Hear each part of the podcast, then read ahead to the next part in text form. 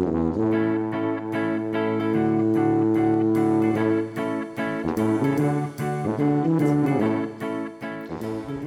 gledes det over å kunne ønske velkommen til en ny sending i Vekas utvalgte. Så sikkert eh, flere allerede har erfart, så er vi jo godt i gang med konfirmasjonene, og snart tar bryllupssesongen over. Og etter to år med litt mindre festivitas, så skulle en vel tro at de som lager klede til den slags, nå opplever en gledelig opptur. Og da er det kjekt å ha med en representant for den næringa fra den lokale klesprodusenten Moods. Velkommen til deg, Jan Egil Flo.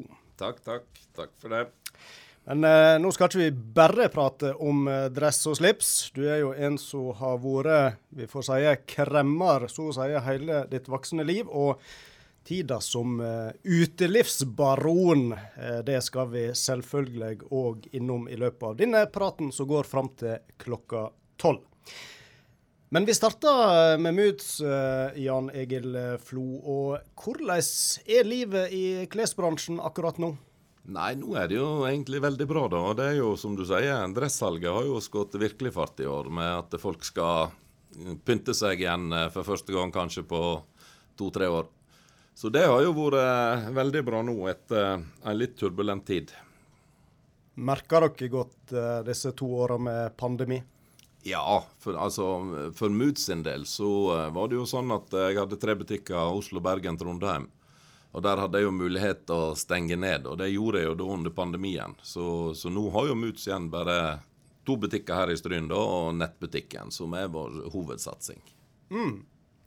Men eh, hvordan er dagens eh, Moods? Vi skal snakke litt om eh, opprinnelige Moods, for å kalle det det òg. Men eh, Eh, Moods eh, siste åra, hva består det av både i besetning og konsept? Nei, altså Som sagt, vi jo, har jo kun igjen her i Stryn nå, da. Så eh, vi har en eh, fem-seks ansatte her i Stryn, og så leier vi inn designtjenester eh, fra et selskap i Oslo.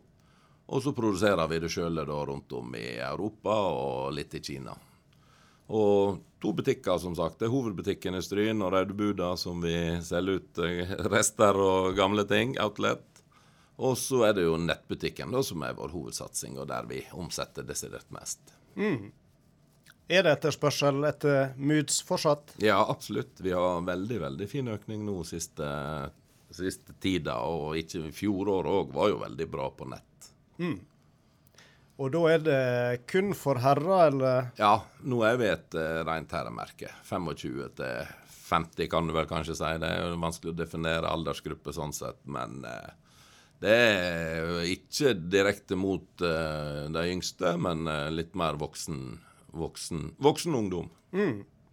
Så Sånn sett er dere virkelig blitt ei uh, reindyrka strynebedrift. Og så er jo òg modellene er jo uh, faktisk ofte lokale. Ja, det er 98 er jo lokalt. Vi tar jo veldig mange fotoshoot og alt her. Det gjorde vi jo i gamle Moods òg, så det, akkurat det er ikke noe nytt. Og Moods begynte vi jo som et rent herremerke, så det er litt sånn eh, back to basic med det meste. Mm. Men eh, vi må nå absolutt kunne kalle dette ei eh, videreføring av uh, Moods of Norway. Um, hvorfor ønsker du å gå videre da det første kapittelet ble avslutta der? Nei, altså for min sin del ble det nødvendigvis ikke første kapittel helt avslutta uansett. Men eh, det var jo en kjedelig sak som skjedde at eh, da vi gikk konk i 2017, tida går fort, det er fem år siden. Og eh, jeg så nå fortsatt potensial og alt det som var, og fikk med en del av de ansatte på det. Og og gikk videre med det. Og det har ikke vi angra på. Nei. Og dette var jo noe som eh, starta tilbake tidlig 2000-tall. Eh, Simen eh, Stålnakke fra Stryn og hadde med seg Stefan Dahlqvist og han Peder Børresen. Og Husker du hvordan du ble kobla på dette prosjektet? Ja, det husker jeg godt. Simen, Peder og Stefan studerte jo på Hawaii. Og hver 1. mai så ringte Simen til meg og sa Jan Engel, hvor mange skal jeg ta med hjem igjen, si fra 99-2000, rundt, rundt årtusenskiftet. Hvor mange skal jeg ta med fra vei hjem igjen i år og jobbe i Stryn i sommer? og så, eh, så, tar jeg med dem, og så bodde de oppe på Tingvoll med Simen. Og så jobba de for meg med litt forskjellig. Så jeg sa nei, du får bare ta med en fire-fem i år òg.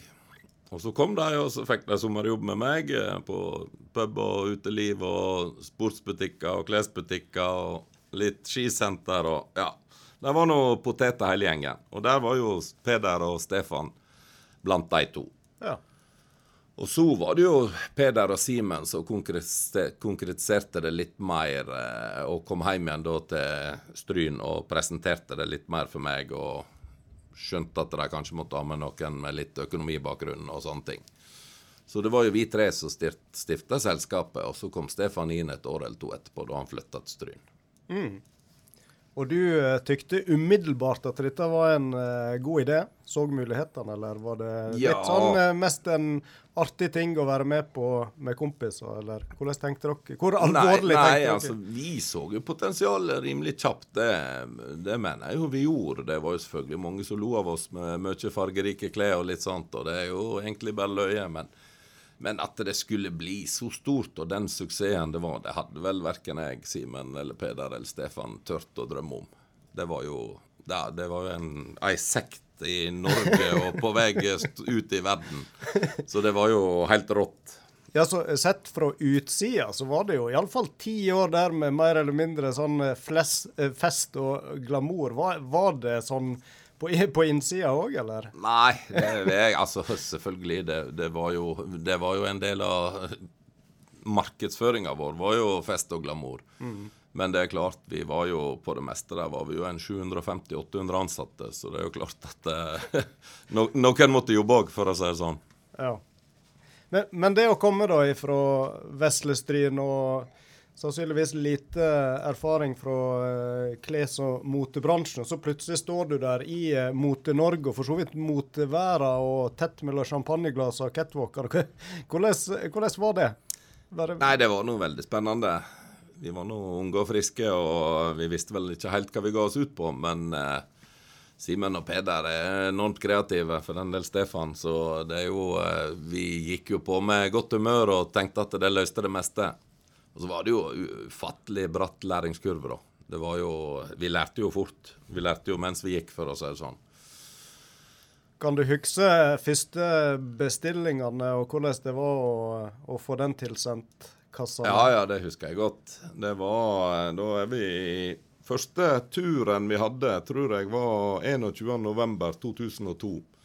Da for jeg Simen og Peder til Bulgaria, for der hadde Simen hus. Og så hadde vi fått tak i noen fabrikker som hadde produsert for andre kjente merkevarer som vi kunne assosiere oss med. Og så fikk vi kontakt med dem, og så for vi ned der. Og eh, når de første kassene kom opp igjen da til Stryn, da var det, da var det stor stas. Da, da snakka vi jo i ja, kanskje i mars 2003. Det var vel de første produktene kom til Stryn. Så det var, det var spennende tider.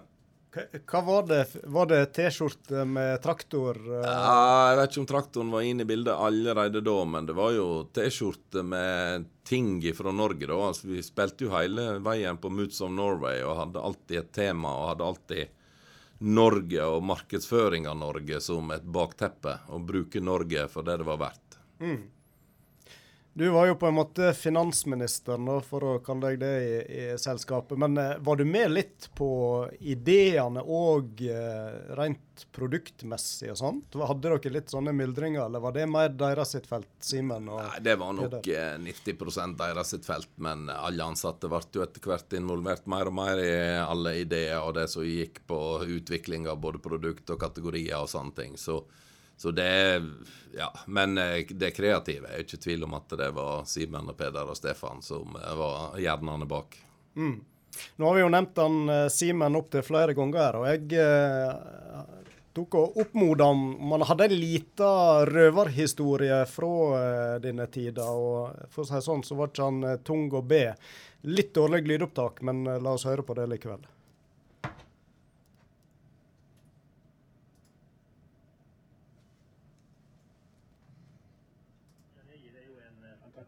På mange måter, og han har jeg jo kjent veldig, veldig lenge. Jeg tror en av mine favoritter fra i fall glanstida til nå, da vi var på messe i København. Og så hadde vi da en uh, fantastisk fest hver sesong for hele norske motorbransjen. Og så får vi gjøre litt så fikk jo folk uh, noen boller for å kunne bruke i baren og noe sushi og greier. Og så for at det skulle ut styre, så slo de jo bare alle bollene på ett hotellrom. Um, og det var da Jan Egil sitt hotellrom. Ene sesongen han til nå skal uh, sjekke ut fra Hotell St. Peter i København, så uh, hadde han bare bodd der i to dager. Og så uh, var regninga på 267 000. så spør hun uh, bak uh, spør hun i resepsjonen så om Mr. Tro hadde tatt noe fra minivalen. så sier han en snickers. Dager i København var 267 000 og. Ja, her høres det ut som Simen var på 50 meters djup, så jeg vet ikke hvor godt det var å, å, høre det han sa her. Jeg tror vi som satt i studio fikk det med oss, iallfall. Han uh, fortalte om uh, ei utsjekking fra et hotell der uh, ja. Rekninga var på Rekninga var bra. Ja, rekninga var bra, og, og, spørsmålet var vel om du hadde tatt noe fra minibaren, og det var en Snickers. Det, det stemmer vel. Og hun spurte òg om hun skulle printe ut rekninga. Den tror jeg var på 30 sider, om jeg vil lese igjennom før jeg betalte. Jeg sa jeg tror, pakk det ned, så skal jeg ta det med meg hjem igjen. Det var eh, ja. Så eh, det var mange sanne episoder der eh, vi hadde mye moro, for å si det sånn. Ja. Ja, 700 eh, ansatte på det meste? Ja, vi var vel oppe i 800 nesten. Vi hadde jo 35-40 butikker, og du kan jo gange opp det med 15-20 per butikk. Så i tillegg til at eh, på det meste var jo designavdelinga 30 personer. Yes. I tillegg til administrasjonen i Stryn og Vi har jo alltid hatt alt inhouse. Vi har aldri leikt inn til noe. da. Vi ansetter jo alltid folk. Så vi var nok eh, oppe og pika på 800 når vi var på det største. Ja. Nei, du sa jo det var ei bratt uh, læringskurve, og det var vel allerede etter fem-seks år så eh, nølte ikke dere med satsinga og uh, fleska til Var det i Hollywood dere etablerte ja. butikk? 17. mai 2009 åpna vi Hollywood. Det var jo fantastisk. Med den, den, type kjendiser, det som var der, vi, vi omgikk jo oss med mye kjendiser og alt som du bare så på TV, for å si det sånn. Så det var jo fantastisk moro i seg sjøl. Stefan flytta jo over, så han, han bor der ennå. Ja, så han, han ble igjen? Han ble igjen. Ja. Men dette med alle kjendisene dere knytter til dere, og eh, hvordan oppsto det egentlig? Nei, det, altså vi hadde jo veldig fargerike klær som skilte seg ut, og som ikke alle andre gikk i. Og ofte så var jo artister og kjendiser gå i spesielle ting som ikke du Du kan ikke gå på en catwalk i Hollywood, og så er det 17 stykker i samme gule dressen. Så da ble vi automatisk favoritt. Vi har fortsatt mange av stjernene, eller det er jo ikke stjernene nødvendigvis sjøl som handler, men det er jo stylistene deres. Så vi har fortsatt mange stjernestylister som eh, ringer oss og kjøper, og vi sender over eh, til USA. Ja vel. Så fortsatt klær opp. Så nå er ikke det så synlig, da, men vi ser det når vi som jobber med det. Ja. Kan du røpe litt hvem det er som går rundt i Moods-klær i 2022? Nei, altså akkurat nå kommer ikke jeg på noe dømme på det, da. Men det er jo stylistene har det jo i Så det kan plutselig dukke opp uten at du vet navnet på hvem stylisten har handla til. Ja. Det kan du plutselig se. Ja. Men eh, tilbake til de åra der dere omgikk disse kjendisene. Hvem var røffeste å få møte på der? Argeste kjendisen? Nei, altså, vi møtte jo på halve Hollywood. Jeg vet ikke hva Paris Hilton var jo eh, ai, ai, ai. stor i sin tid. Hun kom jo og parkerte rett utafor butikken vår. Og var inn og handla. Og, så det, det, var jo Ja. Det, det, var ikke en dag som var lik der borte. Du visste aldri hvem du møtte. og Om du kunne møte Tom Cruise eller hvem du møtte. Det var jo Ja. Yes. Det var ganske spesielt eh, å komme fra Lisjestryn og så gå der bort og gikk rundt i noen bygninger der borte og møtte eh, hele den gjengen der. Ja. Ble det litt surrealistisk hele tilværet en stund der? Eller? Ja, det vil jeg faktisk si det var. Vi var jo veldig mye i USA da. Vi var jo Simen og Peder for nå over til Stefan i hvert fall seks-sju ganger i år. Og jeg var nå over en tre-fire på messe. og vi var jo på messe i Miami og Vegas og LA, og vi var jo med på alle messer. Vi hadde jo fire butikker der borte, så vi måtte følge opp. I tillegg til at vi hadde solgte vel til 100-150 andre butikker. Ja. Så eh, USA tapte vi jo. Det kosta jo å investere i USA. Vi brukte vel 50 millioner på det, men eh, siste to-tre åra før konkursen så tjente vi jo penger i USA. Ja. Nei, for det, det steig og det steig, og det så ut som dette Det gikk jo for så vidt rett til himmels, så eh, dere var vel oppe i rundt 100 millioner i overskudd et år der. 2011 gjorde vi vel omtrent det. Og da var dollaren ca. fem kroner. Og når vi da et par år etterpå skulle omsette for det samme, og dollaren var gått opp i 9-10 kroner, så forsvant de 100 millionene rimelig kjapt i rett og slett produksjonskost. Så det var jo dollaren var valutaen som var hovedproblemet vårt da rundt eh, etter finanskrisa og det som skjedde da. Oljekrisa i Norge. Hadde vi hatt binding av valuta, så hadde det vært livets glade dager den dag i dag. Ja, Så det var rett og slett det som gjorde at nedturen begynte å komme? Ja, det var produksjonskostnader. At det ble for dyrt. Og vi var for store. Det var, var for vanskelig å snu oss rundt veldig kjapt. Og så fikk eh, banken der ute litt panikk, sånn at de eh, skrudde igjen krana. Verken de eller Innovasjon Norge eller noe tapte jo penger på Det var nesten ingen som tapte penger på Moods-konkursen utenom moms og den norske stat. Det var nesten ingen privatpersoner som tapte ei krone. Ja. Litt leverandører i utlandet. Det Rett skal være rett. Og i tillegg til den norske stat med moms og sånne ting. Så eh, jeg har hevda den dag i dag at den konkursen burde aldri ha vært, men det ble nå sånn, og her er vi nå. Ja. Jeg må nå spørre deg, da. Hva Selv om du er godt inn i Moods fortsatt, så hvis vi ser på den epoken, da, hva var høydepunktet da? Hvis du skal nå trekke fram noe som du husker litt ekstra godt? Nei, det er jo klart vi hadde tiårsjubileum i Oslo Spektrum med 5000-6000 gjester, statsminister og hele familiene våre og alt sånt. Det var jo spesielt. Det var jo tøft å lage en av Norges beste fester i Spektrum. Ja, vi var vel 8000 totalt der. Så det var jo ganske rått. Det er ni år siden nå. det, var, det var moro. Ja. ja. Hva er dagens moods, da, sammenligna med da? Nei, vi er jo eh, 20 av omsetninga, og jeg, eh, det er jo en eh, litt roligere hver dag på meg da, å gå fra 800 ansatte ned i 7-8. Så eh, telefonen min ringer ganske mye mindre enn han gjorde når jeg eh, hadde 800, for å si det sånn. Og nå har vi fokus på Norge, og webshopen sender jo ut av, ut av Norge, da, men vi gjør ingenting ut i den store verden. Det er Norge 100% Ja. Hvordan ser framtida ut? Ja, er veldig gode tall nå og framover. Nå er vi jo tatt tilbake mye av det gamle med traktor og de temaene. Det, hun som designer for oss, er jo ei som har jobba, jobba i Moods tidligere, så, så, vi er jo siste to åra har vi jo tatt tilbake veldig mye av det gamle. Så nå er vi mye mer lik Moods of Norway eh, som i 2012 enn eh, en vi var for en to-tre år siden. Så vi skjønte jo at vi måtte jo legge om. Mm. Vi skal prate mer, vi, Jan Egil. Eh, og da skal vi etter hvert over på en litt annen bransje. Men eh, du har fått komme med noe musikkønske, og eh, nå har vi vært veldig i det strynebaserte. Og da, da hadde du jo ei strynegruppe òg du hadde lyst til å høre? ja, absolutt. Fernando var jo gamle storheter, og nå skal vi ha dem på dansegalla med reunion fra 89-time ut på gastrobaren, så vi må høre Fernando. Ja. Da eh, snurrer vi i gang den, og så fortsetter vi praten.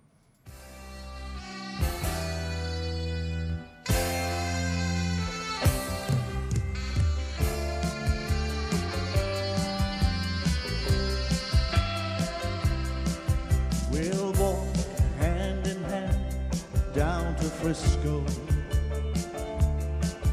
We'll walk hand in hand, you and I. We'll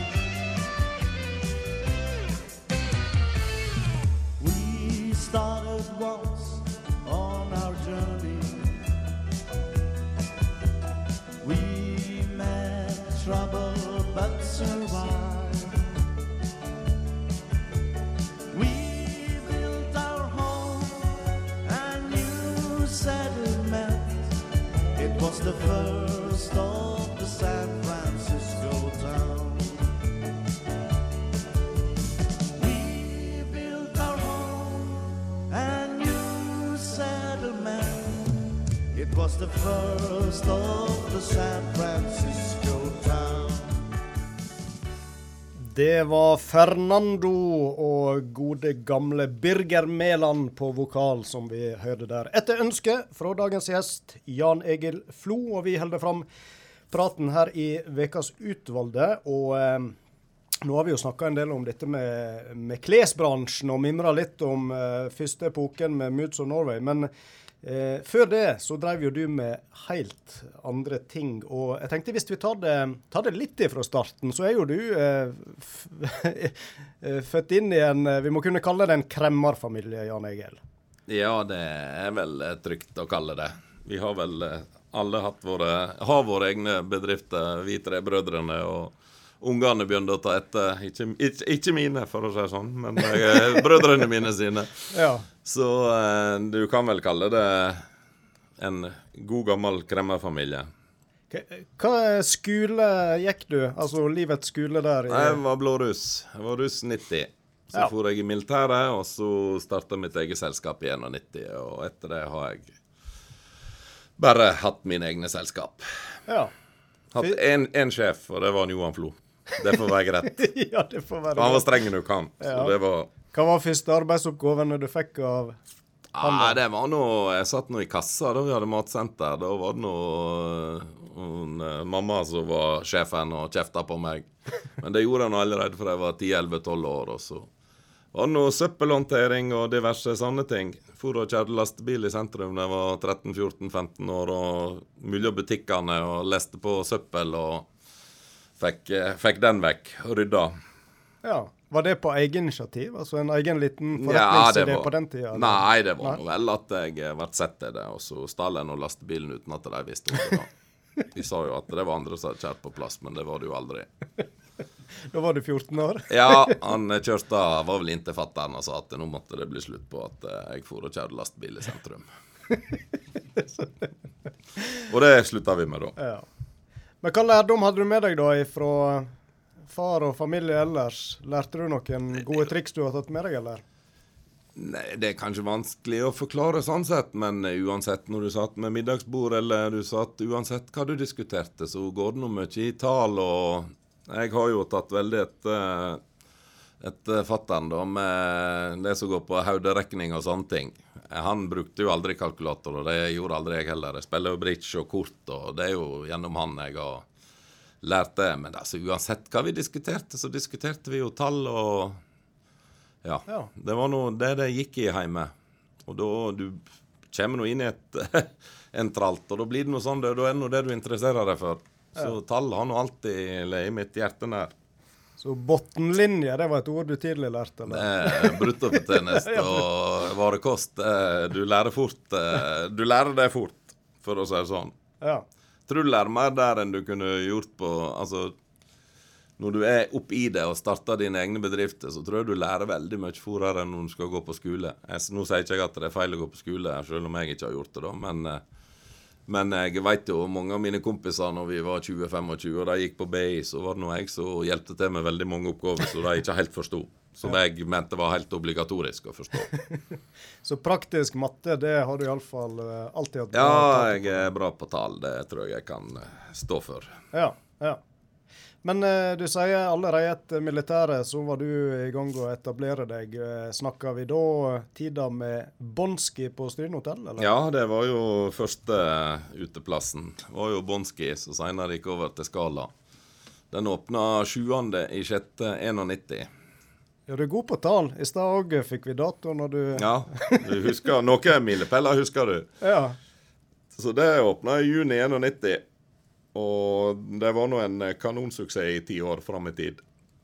Så hadde jeg jo uteplass på Eid og uteplass i Sogndal sammen med Ole Kristian på Stryn hotell.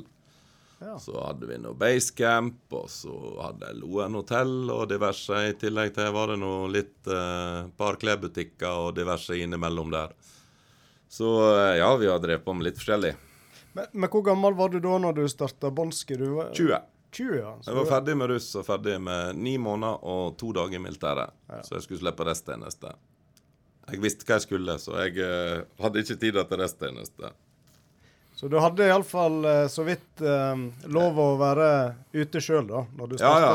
Jeg Hadde to, mån to måneder siden jeg eh, Så jeg begynte å selge brennevin, så jeg eh, hadde lov å drikke det sjøl. Ja. Men hvordan var det, da? Eh, Kan du huske hvordan det var å, å starte for seg sjøl den gangen? Det, det var jo fantastisk spennende. Det var jo ei tid som jeg aldri ville gått glipp av det heller. Som samme tider som med Moots, så ville jeg ikke gått glipp av det heller. Men det var jo veldig spesielt. Du var 20 år. Lærte jo veldig mye av Ole Kristian, da, som er fra en hotellfamilie. Så kom og overtok Stryn hotell da 8-89. Så jeg jobba jo for han et år eller to der, og, så det var jo veldig lærerikt å jobbe med han, som var en eh, ja, født inn i en hotellfamilie og var hotellmann. Han er ikke så verst på tall, han heller. Nei, Ole Kristian han eh, kan tall. Det er helt rett. Han òg liker varekost og bunnlinje. Så da eh, Ja. Da var rett og slett eh, Var det han som rekrutterte deg til å starte opp Ja, det var det faktisk. da. Ja, det var faktisk det. Så det var en idé jeg og han hadde. Det var mens jeg var i militæret. da. Jeg dimma vel ikke før i september 91, men jeg drev det på helgebasis. Og Hvordan var utelivet på tidlig, eller ja, for så vidt 90-tallet, da, sammenlignet med nå, vil du si? Nei, altså, vi som sitter her i studio, har jo opplevd det, så vi veit jo hvor bra det var. Men du kan jo tenke deg sjøl at TV 2 kom til Norge i 92, tror jeg. Så det var jo Derrik eh, på fredagene som var det store høydepunktet på NRK. Det var ikke noe internett, det var ikke noe online-spill. Altså, vi gikk jo ut for å treffe folk. Og det var jo helt fantastisk. eh, Det er jo veldig synd nesten at ungdommen ikke får oppleve det som vi fikk oppleve da ifra ja, altså, Beste utelivsperioden i Stryn må jo ha vært da ifra 85, når Jennys åpna. Det tror jeg åpna 85. Alexandra åpna jo med Jennys der inne. Det var jo et fantastisk Og så hadde du Fjordhotellet. Og så hadde du da Bonski og Skala etterpå. Og så kom jo Basecamp inn i gata her, og det, det var jo ei fantastisk eh, tid eh, utelivsmessig. Du gikk ut og traff folk. Det var jo for fullt fem dager i veka. Fem dager i veka. Og gjerne tidlig på kveld òg, eller? Ja, det var jo ofte det at du kunne ha kø klokka ni. Det, så eh, ja. Nei, det var Og sommerskisenter, ikke minst, var jo veldig viktig eh, for Stryn da. Og da stengte de jo tidligere opp i dalen, så alle måtte jo ned til Stryn. Ja. Kom, alle kom ut sentrum. Så det var jo hotellene som hadde lov å holde åpent lenger da enn klokka ti til å begynne med, og klokka tolv etterpå. Og det gjorde jo at absolutt alt kom ut Stryn sentrum. Det var jo et yrende folkeliv. Men vil du si at det nesten var med internett at det begynte å dale litt på eh, Ja, det vil jeg faktisk hevde. At uh, for uteliv og sånt, så eh, Det er jo nesten ikke rene nattklubber igjen, altså, der du går ut kun omtrent for å danse. Det er jo slutt på. Nå er jo alt en uh, pub uh, med et lite dansegulv og sånt. Det er jo, det er jo slutt på rene diskotek. Så, uh, så det Internett og ja, TV og streaming det har ødelagt mye for det sosiale utelivet.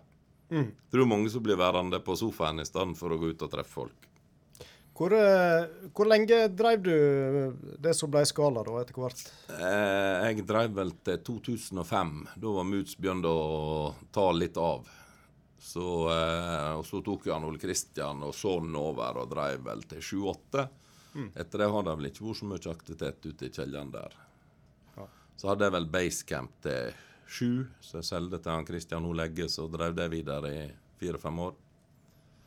Så, så hadde jeg nå Loen hotell, da, så vi kjøpte i ja, de kjøpte det da. 2005 var det jeg kjøpte det. Så hadde vi nå litt åpent der påske og jul og sånt, men det var jo et sesonghotell. Og parallelt med dette så drev du òg eh, litt klesbutikker. Ja, jeg hadde jo Stanley her, så det var jo, vi hadde jo et ledig lokal i Flobygget, så jeg åpna jo, åpna jo en butikk der. Så, så var jeg med på Sportla med broren min Ola, og ja. Så litt forskjellig. Du, du hadde noe å styre med, da. Ja ja, men det er bra, det.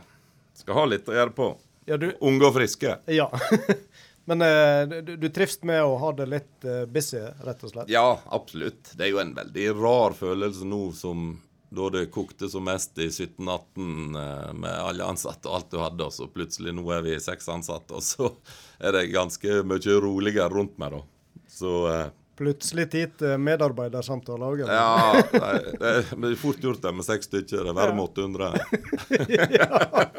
Nesten håpløst prosjekt. Ja. Ja.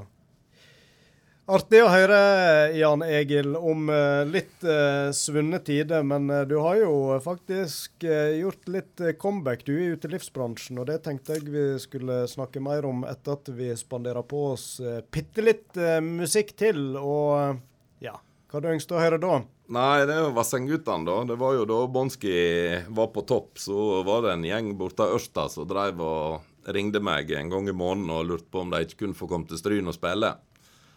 Og det var jo da var vi jo en internasjonal nattklubb i Stryn. Vi skulle ikke ha et country-liveband ifra, ifra Ørsta.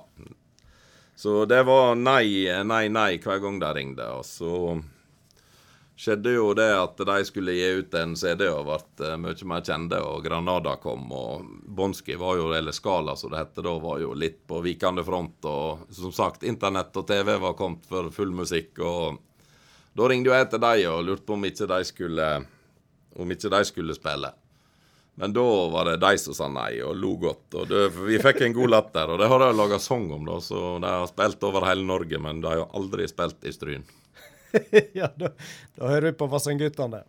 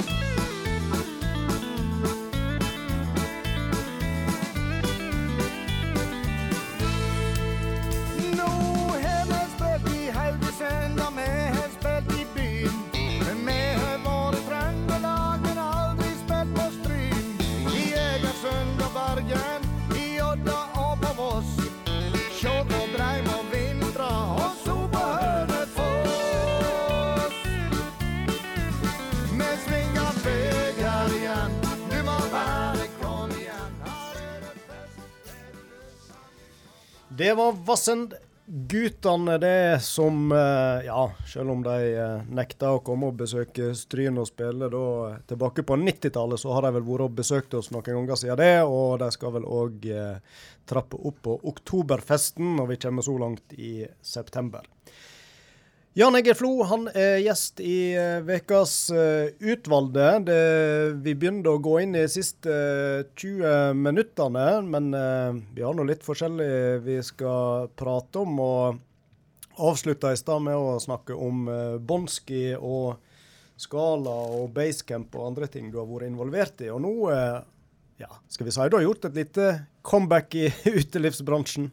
Ja, String Gastrobar som jeg åpna sammen med tre andre, da, det var jo 30 år omtrent på dagen åpna etter jeg åpna min første uteplass, så det må vel kunne kalles et lite comeback. Ja. Hva som gjør at du hadde lyst uh, tilbake i utelivsbransjen? Nei, det var jo Vi så jo behovet for at det kunne være en plass der, og det beviste vi jo i sommer òg med det som var. Altså, her var jo sommer var det jo kaos. Alle måtte jo avvise gjester. Det var jo ikke plass sjøl med gastrobanen, så, så her er jo et marked for det. Og litt med festivaler og litt store arrangementer og sånt. Det er jo en enormt stor hage da, som vi driver og planerer og lager til. Så, så er det jo potensialet. Det er jo Stryn og festivalbygda og Stryn har jo alltid vært basert på sommeren, og folk tjener mye penger som gjør at du kan opprettholde et tilbud kanskje hele året. Mm. Dere åpna i fjor eh, forsommer, og hvordan, eh, hvordan var var, Sommeren var jo helt rå. Den var helt fantastisk. Det var jo mye, mye mer enn vi hadde forventa. Både med mat og velkomsten de fikk. Så det, det var noe helt rått, egentlig. Vi ble jo tatt veldig på senga.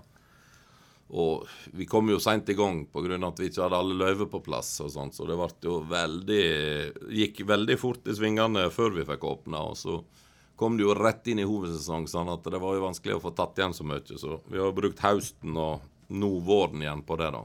Mm.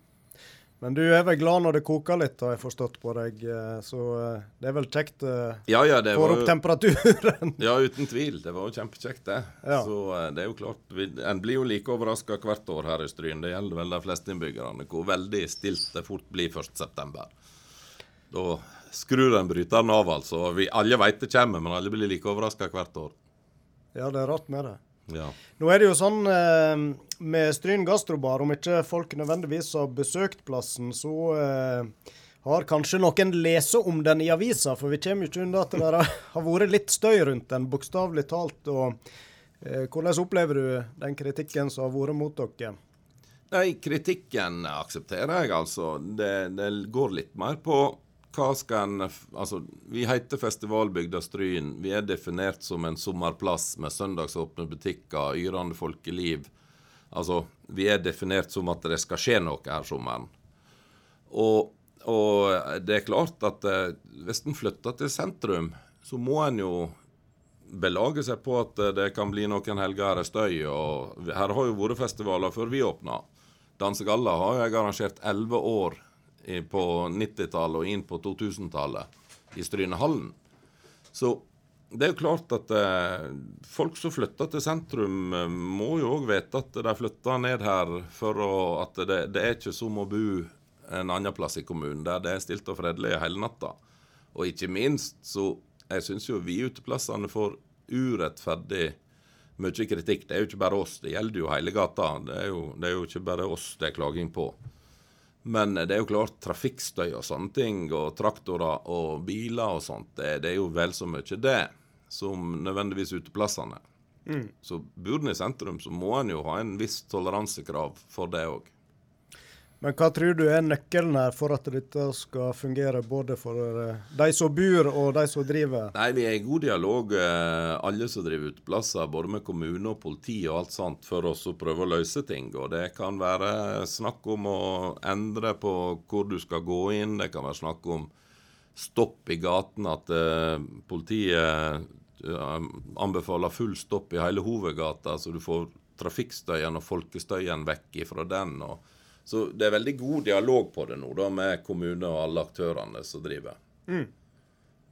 I tillegg til selve lokalet der borte, så disponerer jo dere et ganske stort uh, areal. Og der har det vært litt uh, aktivitet og ting skjer. Kan du fortelle litt hva som er planene der?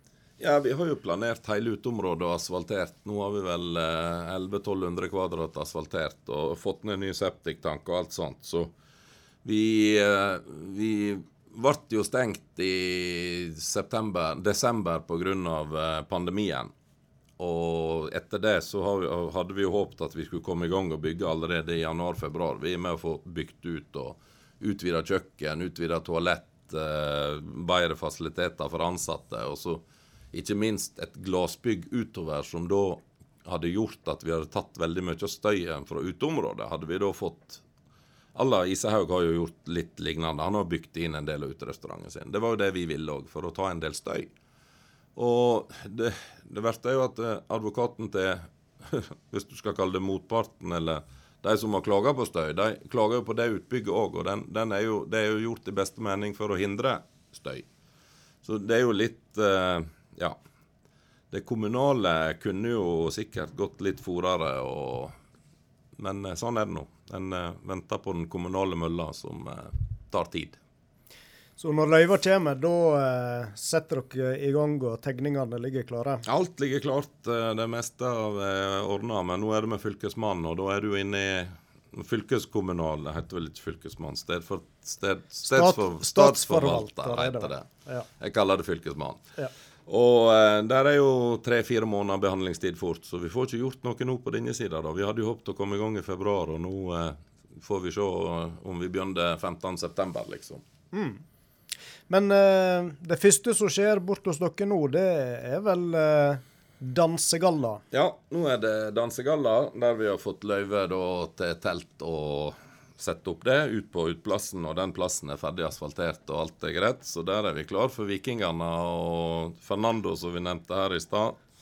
Så det blir eh, dansegalla på onsdag og et eh, arrangement på torsdag som eh, for, der vi skal ha familiearrangement. Både pensjonister og unger litt på dagtid.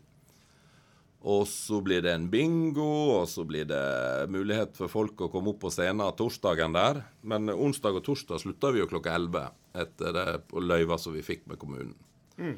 Og så har vi da fredag og lørdag med Kontrast og Ingemars, og så blir det jo toppen med Christer Sjøgren og Vikingene på lørdag. Og Vikingene de har vel du eh, hatt med og gjort før? ikke Ja, Vikingene har vi hatt i Stryn to ganger før. Eh, Christer Sjøgren feirer jo faktisk 50-årsdagen sin i Stryn, og det er jo temmelig nøyaktig 20 år siden. Så da, vet, da kan du regne ut hvor gammel han er blitt. ja, det var dette med å være god med tall. Ja. Såpass runde. Ja. ja. Så han eh, har vært her før to ganger. Vikingene. Det var jo kjempesuksess. Det, var, det, er jo vikingene som er det store innen dansebandet i Skandinavia, og de trekker fulle hus. Så vi har vel en eh, ca. 250 billetter igjen på det som går på fredag-lørdag. Ja.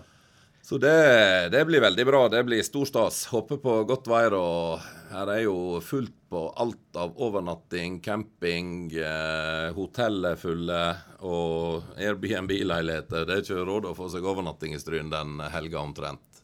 Men mange kommer vel med overnattingsplassen sjøl i form av bubiler? Ja, Fagre Stryn er jo ansvarlig for det. Så de har jo hele Strynhallområdet og ut med videregående skole. Så de har jo bobilcamp der. Og der er vel eh, nesten fullt. Jeg tror ja, Jørn har noen få ledige plasser der. Og eh, Så det er jo klart det blir jo ei kjempehelg. Tellus, som Nordfjord Karavan, da, som nå heter Tellus, de er jo hovedsponsor for arrangementet, så de skal jo ha stor utstilling av brukte biler og nybiler og salgsutstilling nedenfor området da på fredag, lørdag og sikkert litt søndag. Mm. Så det blir ei yrende, yrende folkehelg i Stryn det er ikke tvil om. Er du litt svak for dansebandmusikk? Nei, det vil jeg faktisk ikke si. Men uh, jeg, liker, jeg, liker, alt mulig av musikk, jeg. Så uh, Christer Sjøgren, han er ikke feil. Nei. Er du på er du på hels med han nesten? Etter... Nei, det er vel 19 år siden sist jeg har helst på han. Ah, ja, så, Men uh, vi, jeg skal nå helst på han igjen, ja. Det skal jeg. Han husker helt sikkert Stryn. Ja.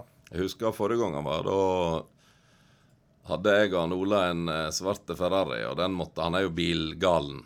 Så da, den måtte han få prøve. Så jeg og Christer for en time og fresa rundt i gatene med Ferrari. Det likte han. Så det tror jeg han husker ennå. Ja, blir det en ny eh, biltur? Ja. Bror din han har jo showroom nå med flotte biler. Det er rett. Det, vi får uh, få han Ola på banen igjen, og så får vi få en bil så han kan, Christer kan prøve.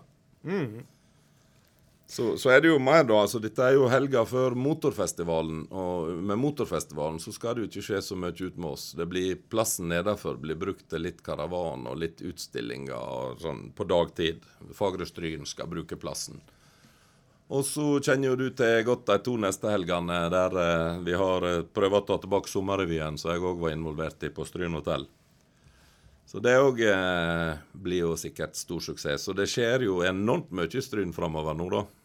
Og når det er avslutta, da eh, kommer vel storinnrykket storinnrykk Da kommer storinnrykket av turistene, så da eh, Så dette lover bra. Ja. Synd vi ikke har fått bygd over uteservering og litt sånne ting, da. Så vi er jo litt avhengig av fine vær, da, men og både for at folk skal komme til Stryn, og for at vi skal ha plass til alle gjestene. Men eh, det blir fint vær i år òg. Ja, ja, ja. Nei, det, det er ikke tvil om. Stryn gastrobar, hva plass ønsker dere at det skal være? Nei, altså Vi ser jo på det. altså Vi er jo veldig overraska hvor mye mat og menyen traff jo veldig bra både til familier og sånne enkle småretter og sånne ting. Sitte og kose seg og slappe av litt uformell stil. Så det, det fortsetter vi jo på, og kommer til å ha det mye i samme sporet som det det var. Vi har nevnt eh, Vikingene, og da passer det jo veldig bra å eh, ta et eh, sitt, siste eh, musikkstykke her. Og eh, hva er det Ove Andrea leter fram? Var det Blue Hawaii? Ja, Ja, Det er klassi klassiker. høres rett ut.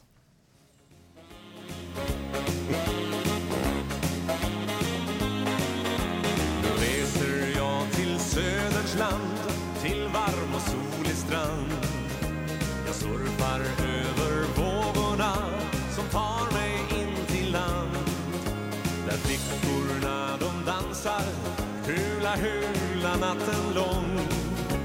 I takt med vindens melodi Sjunger vi en sång i vårt eget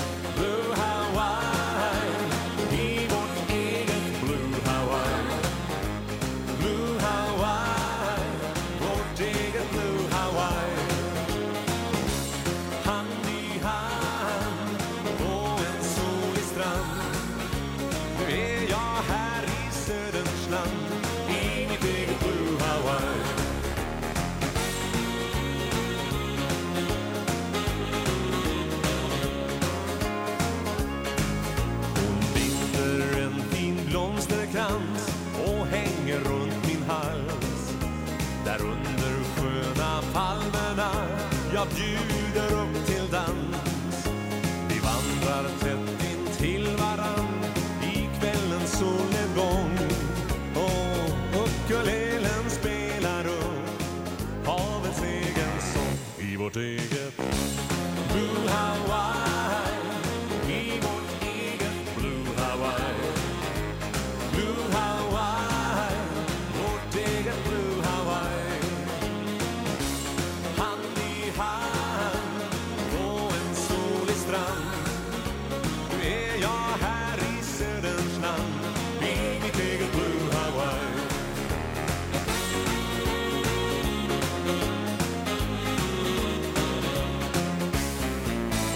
i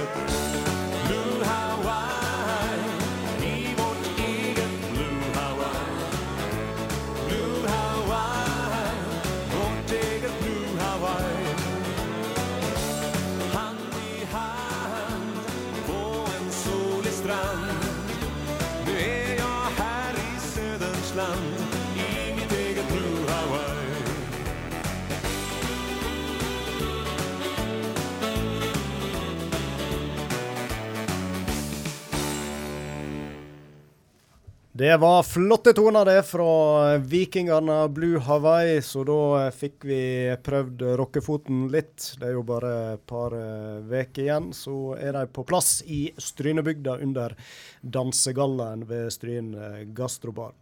Jan Egil Flo, gjest i ukas Utvalgte, og nå lakker det mot eh, slutten. Men jeg eh, har som mål å utfordre gjesten om det er personer, grupperinger eller andre du tenker fortjener litt sånn, ja, rett og slett litt ekstra skryt og blir løfta litt uh, fram i samfunnet? Jeg tror jo at uh, vi har vært inne på festivalbygda her og det som skjer. Og, og hvis du skal se på Altså, jeg har jo sjøl vært med fra starten av i Stryn pingpongklubb. Og, og litt av det som skjer der og så kan du se på andre plasser. altså Vi treng, kan gå til Førde, vi kan gå til Breim med countryfestival, og vi kan gå til Eid med Malakow og opera, og Sandane for den del, sikkert. Og det er jo ting som søker om støtte med det offentlige for å arrangere ting, og får eh, omtrent av statsbudsjettet for å arrangere ting. Og så ser du alle festivalene som er i Stryn, med Fagre Stryn i spissen og pingpongklubben. Og det motsatte skjer. det at det, en del av overskuddet går da tilbake til lokalsamfunnet uten at en har fått ei krone i offentlig støtte.